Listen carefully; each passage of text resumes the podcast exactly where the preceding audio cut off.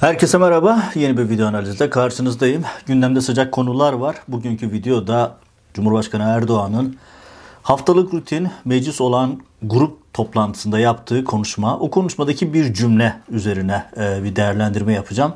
E, ben izlerken acaba yanlış mı duydum diye dönüp bir daha izledim. Sonra Anadolu Ajansı'ndan, meclis web sayfasından, değişik yerlerden metni bir daha okudum. Gerçekten kulaklarıma inanamadım. Çünkü ülkenin cumhurbaşkanı şu an cezaevinde olan bir siyasi parti liderini bir örgüt yöneticisine şikayet ediyordu. Gerçekten tuhaf bir durum. Erdoğan Demirtaş'ı Öcalan'a şikayet etti ve Öcalan'a hesap verecek dedi. Normal şartlarda böyle bir ifade gündemi alt üst eder. Etmesi de gerekir.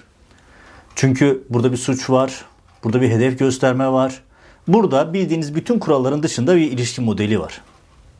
Ya ülkenin cumhurbaşkanı terör örgütü dediğin, bebek katili dediğin birisini İmralı'daki Öcalan'a diyor ki Edirne'deki Demirtaş'ı kastederek Öcalan'a hesap verecek diyor. Gerçekten tarihi bir ifade. Bu ifade ne anlama geliyor? Siyaseten nereye oturuyor? Buna dair perspektiflerimi, analizlerimi, biraz da kulis bilgilerimi aktaracağım ne oluyor ne bitiyor diye sağa sola aradım. Sağdan soldan fikirler, bilgiler almaya çalıştım. Onların hepsini derleyip, yorumlayıp size aktaracağım. Ama birkaç cümle, son birkaç günün temel konusu hayatını kaybeden, intihar eden tıp fakültesi öğrencisi Enes ile ilgili ifade etmekte e, fayda var. Bunu biraz da borç olarak görüyorum. Şöyle ki, çok vahim bir tablo. İnsanların yüreğini sıkıştıran, nefessiz bırakan bir şey. 20 yaşında bir üniversite öğrencisi video mesaj bırakıyor ve arkasından intihar ediyor. Bütün intiharlar çok trajiktir. Bugüne kadar çok intihar haberi yazdık, konuştuk, çevremizde gördük. Bu trajda, bu da aynı şekilde trajik bir konu. Ve maalesef hep e, son birkaç günkü tartışmalara baktığımda üzülerek bir şeyi söylüyorum. Hani ağlarsa anam ağlar, gerisi yalan ağlar ifadesi yine doğrulandı. Muhtemelen ki muhtemelen değil kesinlikle hiçbir anne böyle bir acıyı kimse Allah kimseye yaşatmasın. Evlat acısı çok ağır bir imtihandır. Ailesi üzülüyordur. Ama onun dışında toplumun geri kalanının üzüldüğü konusunda emin değilim. İktidar cephesi keyifli. Çünkü onlarda şöyle bir sıkıntı yok. Hani dindar muhafazakarlar Erdoğan'dan uzaklaşıyordu. Henüz kendilerine yeni parti bulmamışlardı ama sonuçta iktidardan uzaklaşıyorlardı. Ve hani Bülent Arınç'ın meşhur bir ifadesi vardı hatırlarsınız. Biz yoksak siz de yoksunuz diyordu. Tehdit ediyordu dini grupları, vakıfları, cemaatleri. İşte onların hepsi ete kemiğe büründü. Çünkü son 3 gün içerisinde özellikle e, katı ulusalcı, seküler, işte çağdaş yaşamcılar, bir grup CHP'liler, İyi Partililer ya da birçok kesim hep bir ağızdan Tarikatlar kapatılsın, cemaatler kapatılsın, yurtları kapatılsın, bütün varlıklarına el konulsun kampanyası yürütüyorlar. Öyle uç noktalara gitti ki bu iş artık evlere bile müdahale edilmesi çağrısı bile geldi. Şimdi bütün bu tartışmaları izleyen insanlar, dindar muhafazakar kesimler istemese de Erdoğan'a dönmüş olacaklar. Tabi bu durum Erdoğan'ı son derece memnun ediyor. Dikkat edin çok sessiz. Normal şartlarda böyle bir tartışma ki bütün seçimi din savaşı üzerine yıkacak olan ki bunun işaretlerini her geçen gün arttırarak veriyor Erdoğan. Erdoğan böyle bir fırsatı kaçırmazdı. Ama hiçbir şey yapmadan bütün o oy kitlesi kendi yuvasına dönüyor. Erdoğan için söylüyorum. Çok vahim. Yani toplumsal kutuplaşmanın yüksek olduğunu biliyoruz. Gerginlik hat safhada ama Enes'in trajik intiharı sonrasında oluşan tablo açıkçası beni de ürküttü. Ya ortada Enes için üzülen kimse neredeyse yok. Herkes burada nasıl bir rant elde ederimin hesabında. Kimisi çıkıyor derneklerin, vakıfların yasaklanmasından başlıyor. Kimisi çıkıyor oradan siyasi rant elde etmeye çalışıyor. Çağdaş yaşamcılar bir yerden atlıyor. Ya öyle yorumlar, öyle şeyler okuyorum ki. Ya gerçekten hani biz 28 Şubat önceki dönem ya Tayyip Erdoğan'ı doğuran zaten buydu. AK Parti diye bir partiyi doğuran zaten bu Jacoben uygulamalardı. Ya öyle modeller öneriliyor ki hani Perinçek'in ağzı kulaklarında hayalini görmediği şeyleri bugün toplumun büyük bir kesiminde dile getiren insanlar var. Ya beyler ne oluyoruz? Ya burada 20'li yaşlarda bir öğrenci, 20 yaşında bir öğrenci intihar etti. Çok trajik bir olay. Bunun üzerinden bu siyasi rant devşirme telaşı neyin telaşıdır Allah aşkına? Olayın kendisinden daha vahim olan son birkaç günde yaşanan bölünmüşlük, insanların birbirine ellerine ne geliyorsa argüman olarak sıralaması. Yani gerçekten akıl alır gibi tablo değil ve hani utanılacak bir durum açıkçası. Hani bunun üzerine çok şey söylemek mümkün ama yani beni en az Enes'in trajik vefatı kadar sonrasında yaşanan şeyler üzdü gerdi. Çünkü yani düşünün makul mantıklı bildiğin insanlar bile bütün cemaatler kapatılsın, mal varlıkları devletleştirilsin diyor. Ya biz zaten faşist iktidardan çekiyoruz. Daha faşizmi önermek bir de bunlar aydın demokrat diyen insanlar yapıyor. Ya bunların nelere yol açacağına dair hiçbir fikirleri yok muhtemelen. Ya da var ama ideolojik bağnazlıkları her şeylerin önüne geçiyor. Gerçekten çok vahim, çok düşündürücü. Ama bu videonun konusu bu değil. Bu videonun konusu Erdoğan'ın çarşamba günü mecliste yaptığı, grup konuşmasında yaptığı bir ifade. Daha önce söyledim, hep söylüyorum. Erdoğan için bir tane mesele vardır. Seçimi kazanmak ve para. Tanrısı para, motivasyonu sandıktır Erdoğan'ın. Ve yine bunun sinyallerini verdi. Din savaşına işte bütün meseleyi din dindar sağcı solcu kavgasına çekmeye çalışıyor. Kılıçdaroğlu'na inanılmaz yükleniyor. Muhalefete yükleniyor. HDP'yi kapatmak için adımlar atıyor. Orada tam gaz devam ediyorlar. Ama bugün yani çarşamba günkü konuşmasında bunu öyle bir noktaya getirdi ki gerçekten şok etti. Hani ben bile şok oldum. Hani Erdoğan'dan ben her şeyi bekleyen birisiyim. Ama bu kadarını ben bile beklemiyordum. Ya ne demek istiyorum? Düşünün bakın. PKK lideri, terörist başı diyorsun, bebek katili diyorsun. İmralı'daki Öcalan'la milyonlarca oy almış bir siyasi partinin başkanı ki cezaevinde olmasının tek nedeni Erdoğan'a seni başkan yaptırmayacağız demesi. Siyasi rehine Selahattin Demirtaş. Selahattin Demirtaş'ın başka bir gerekçeyle tutuklandığını kimse iddia edemez. Ha iddia eden aktroller olabilir ama realite şu. Erdoğan'a seni başkan yaptırmayacağız dediği için Selahattin Demirtaş şu anda Edirne'de cezaevinde. Ve diyor ki Erdoğan İmralı'dakine hesap verecek. Şimdi düşünüyorsunuz ya hesap verecek. Yani hani verebilir, vermesi muhtemel falan da değil. Verecek deyince insan otomatikman şunu düşünüyor. Ya herhalde diyorsunuz İmralı ile MIT er, Ankara üçgeninde bir pazarlık yapıldı. Ya çünkü o kadar emin konuşuyor ki Erdoğan verecek.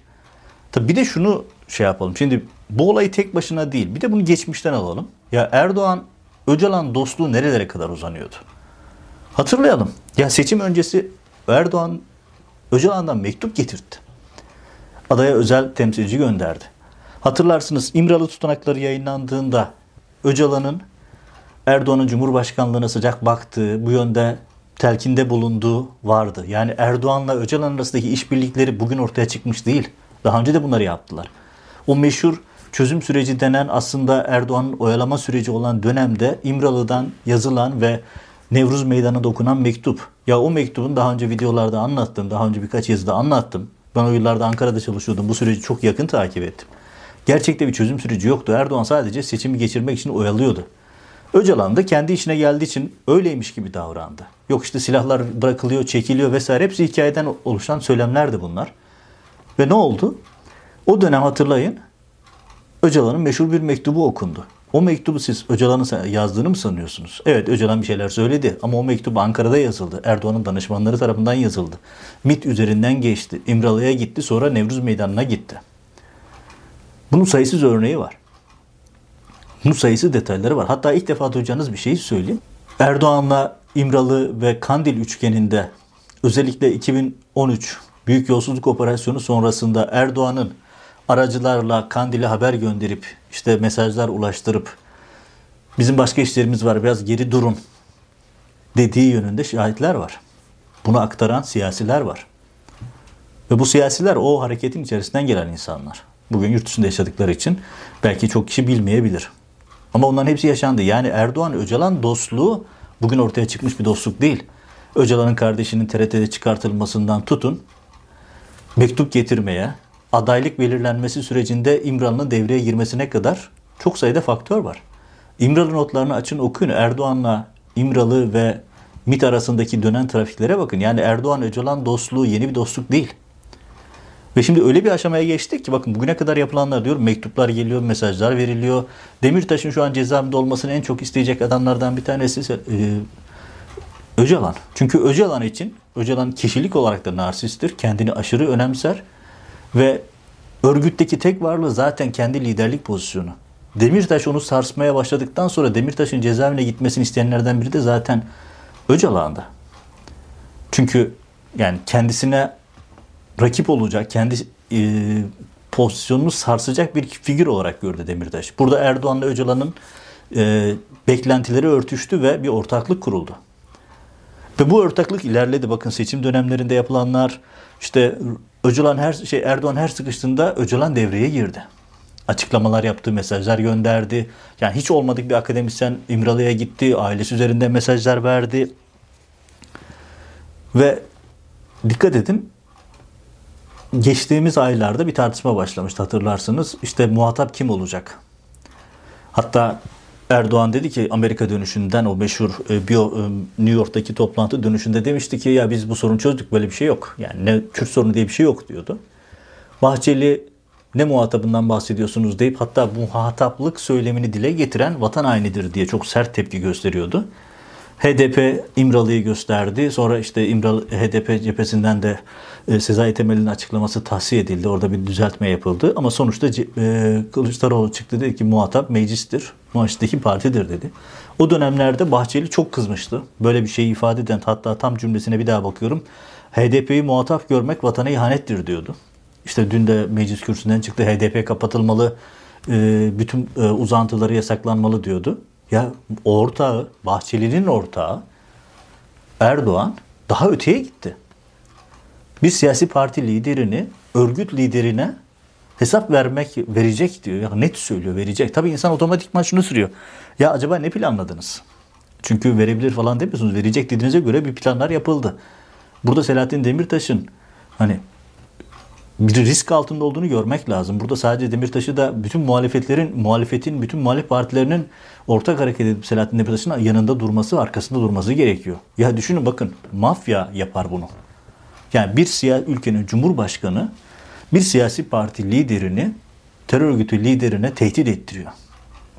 Hesap vermekten bahsediyor. Bu nasıl olacak? Hani filmlerden bilirsiniz ya da işte bu dünyaya e, uzak değilseniz güvenlik bürokrasisiyle gazeteci ya da işte güvenlik bürokrasisindenseniz bilirsiniz. Ya cezaevi üzerinde hesaplaşma, hesap verme, hesap sorma mafya dünyasında olan bir şeydir. Hani Sedat Peker de bilir bu işleri. İşte çakıcılar bilir. Peki Cumhurbaşkanı AK Parti Genel Başkanı aynı zamanda biliyorsunuz. Bunu mafya dünyasından mı örnek aldı? Neyi kastediyor? Yani bu soruların sorulması gerekir. Ben muhalefetin hep birlikte ya da ülkedeki medyanın hep birlikte tabi medya kaldıysa kalabildiği kadarıyla bir dakika siz ne diyorsunuz, ne planlıyorsunuz diye sorması gerekirdi. Öcalan Demirtaş'a nasıl hesap soracak? Öcalan İmralı'da cezaevinde ve cezaevindeki bir örgüt lideri, örgüt yöneticisi başka bir cezaevindeki siyasi bir parti genel başkanına, siyasi parti genel başkanına hesap soracak. Nasıl olacak? Bunun sorulması gerekmiyor mu? Bu direkt olarak tehdit değil midir? Bu mafya usulü bir tehdit değil midir? Ve hayretler içerisinde muhalefetin bu olayı hiç yokmuş gibi davranmasını gördük olaydan sonra. Yani Erdoğan'ın bu açıklaması normal şartlarda Enes'in intiharı üzerinden başlayan tartışmalar olmasa ülkenin bir numaralı gündemi olmalıydı. Ya tekrar söylüyorum ülkenin cumhurbaşkanı bir siyasi parti liderini örgüt yöneticisine hesap vereceğini söylüyor. Daha doğrusu onu Öcalan'a şikayet ediyor. Devlet Bahçeli ne diyor acaba bu durum hakkında? Hani HDP'yi muhatap görenler vatanı ihanet ediyor diye meclis kürsüsünden bağıran Bahçeli. Acaba Erdoğan'la Öcalan arasındaki bu ortaklık konusunda e, benim açımdan sorun yok. Biz pozisyonumuza bakarız, e, rantımıza bakarız deyip geçiyor mu? Ya da burada başka ne tür planlar yapılıyor? Başka ne tür planlar var, programlar var? Yani şunu unutmayalım. Erdoğan suça teşvik ediyor burada. Yani Demirtaş'ın Öcalan'a e, hesap vereceğini söylemek tam bir mafya yöntemidir, mafya usulüdür. Öcalan bir mahkeme mi kurdu? Demirtaş mahkemede mi yargılanacak? Yani gerçekten akıl alır bir durum değil. Yani ben bugüne kadar Öcalan'ın, şey Erdoğan'ın siyasi rant elde etmek için yaptığı bütün kıvraklıkları, bütün manevraları az çok öngörebildiğim, kafamda bir yere oturtabildim. Ama bugüne kadar, bugün gerçekten artık yok artık dedim. Yani çünkü düşünün yani Demirtaş'ı şey Öcalan'a şikayet eden bir cumhurbaşkanından bahsediyoruz. Ya gerçekten hani normal bir şartlarda bunun Türkiye gündemini alt üst etmesi gerekir. Ama muhalefet duymamış, görmemiş gibi davranıyor. Muhalif olduğunu söyleyen medya işte tarikat yurtları kapatılsın noktasında başka bir gündemin peşinde koşup duruyor. Yani başka nasıl bir gündem ülkenin gündemine girebilir? Başka nasıl bir ifade ülkenin gündemine girebilir? Ben gerçekten hayretler içerisinde izliyorum. Yani mektup getirdiği ortaya çıktığı zaman hani çok ekstrem bir örnekti. Yani terör örgütü liderinden mektup getiriyorsunuz ve oy vermesi için kendi tabanından oy istiyorsunuz. İktidar Partisi yapıyor bunu. Erdoğan yapıyor. Hani o bile bir yere kadardı ama artık bunu bile aldı, başka bir yere götürdü. Yani seçim için e, çılgınlık yapı, yapamayacağı çılgınlık yok diyorduk Erdoğan'ın. Artık ben bu ifademi e, revize ediyorum. Artık Erdoğan önümüzdeki dönemde seçime kadar her şeyi yapabilir. Her şeyi. Düşünün bir dönem zaten Öcalan'la o kadar yakın oldular ki hani hatta Ankara kulislerinde konuşuldu Erdoğan'ın Öcalan'la görüntülü görüşme yaptığı vesaire ama ben hala bir rezerv koyuyorum buna çok ihtimal vermiyorum. Er, Erdoğan çok tecrübeli e, tehlikeli tecrübeli bir siyasi o kadar da değil. Yani yarın bir gün bu kaydın bir yerde önüne çıkabileceğini düşünebilir. Aracılarla görüştürmüştür. Zaten Hakan Fidan'la sık sık görüşüyor. Böyle bir muhab- e, muhataplıkları var. Yani Erdoğan'la Öcalan arasında zaten bir bağ olduğu, bir ortaklık olduğu bilinen bir vaka. Ama yani direkt Demirtaş'ın tehdit edilme noktasına ulaşması gerçekten açık şok edici. Bu nasıl olacak diye ciddi ciddi düşünüyor insan. Yani hesap sorma işi hani bir siyasi parti liderinden hesabı seçmeni sorabilir. Bir siyasi parti liderinden suç işlemişse mahkemeler hesap sorabilir. Bir siyasi parti liderinden terör örgütü lideri nasıl hesap sorar? Bu sorunun Erdoğan'a sorulması gerekiyor. Erdoğan'ın bunu açıklaması gerekiyor. Çünkü şaka değil. Ya bir bu mafyada olan bir yöntemdir. Ve Erdoğan'ın söylediği şey tam olarak da bu. Demirtaş'ı hedef gösterme ve bir takım kirli kapaklı işler için yol gösterme, cesaretlendirme, suça teşvik etmektir. Ve diğer bir soru, kesinlikle üzerinde düşünülmesi gereken soru, Bahçeli bu ortaklığın neresinde? Bahçeli ile de konuşuldu mu hatırlarsınız geçtiğimiz günlerde Erdoğan Bahçeli'yi ziyaret etti. Evinde bir ziyaret yaptı, görüştüler. Acaba bu da konuşuldu mu? Tabii şu soruyu da tekrar sormak lazım. Hani seçime kadar seçimi kaybetmemek için her şeyi yapacağını düşündüğümüz Erdoğan başka o şapkadan neler çıkartacak? Mesela Öcalan'a parti mi kurduracak? Biliyorsunuz geçtiğimiz aylarda bunu yaptı. Bu konuda çalışmaları vardı biliyorsunuz. Ee, Ayhan Bilge'nin HDP'den ayrılması, işte muhafazakar Kürtleri HDP'den koparmak gibi bir projenin parçası. Erdoğan'ın en temel yaptığı şeylerden birisi de odur. Her zaman söylerim. Erdoğan bir partiyi, yönetimi, bir grubu ele geçiremiyorsa temel meselesi onu bölmektir. Şu anda da HDP'yi işte bölme hesabında işte Kandili üzerinden e, ya düşünün Kandili haber gönderip yani biz cemaatle operasyona gireceğiz siz biraz kenarda durun mesajını ileten bir liderden bahsediyoruz. Ve HDP içerisinde Kürtçü ve Türkiye'liler, Türkiye'ciler olarak iki damarı ayırmaya çalışan bir Erdoğan'dan bahsediyoruz. Ve böyle bir denklem içerisinde daha Kürtçü bir damara oynayacak bir Erdoğan görüyoruz demektir. Ve seçime yaklaştıkça Erdoğan'ın yapabileceği başka adımlar da olacak. Düşünün yani Demirtaş'ı Öcalan'a şikayet edecek kadar seçim odaklı düşünen Erdoğan bakalım seçim yaklaştıkça daha neler yapacak. Burada daha önceki videolarda hep söyledim onu söyleyerek bitireyim. Muhalefetin artık şu kolaylıktan vazgeçmesi gerekiyor kolaycılıktan. Hani biz bir şey yapmasak da Erdoğan kendini imha ediyor. Zaten ekonomi göçük AKP tepanda kaçıyor diye bir kolaylığın bir e, rahatın içinde muhalefet partileri. Bu çok büyük bir yanlış. Bakın seçimi kazanmak için Demirtaş'ı Öcalan'a şikayet edecek kadar pervasız bir siyasi anlayışla karşı karşıyasınız. Seçim gecesi yapacakları hileler, seçim öncesi yapacakları hileler. Bakın HDP'yi kapatma şeyiyle e, boyunduruk altına almış durumdalar. İyi Parti, CHP'yi e, kayyumlarla tehdit ediyorlar. Başka operasyonlar başka yerlerden gelecek. Ve bu seçimi kazanmak için Erdoğan her şeyi yapacak. İşte her şeyi yapabileceğini çok somut bir örneğini bugün meclis kürsüsünden söyledi. Çok konuşulmadı. Aslında çok konuşulması gereken bir şeydi. Ama hani tarihe not olarak bırakalım. Erdoğan Demirtaş'ı Öcalan'a şikayet etti. Hem de meclis kürsüsünden. Enteresan günler yaşadık. Enteresan şeyler görmeye devam edeceğiz demek ki. Takip edip aktarmaya, yorumlamaya devam edeceğiz. Takipte kalır, abone olur, yorum yazarsanız da gelişmelerden haberdar olma imkanınız artar. Evet önümüzdeki yayınlarda görüşmek üzere. Hoşçakalın.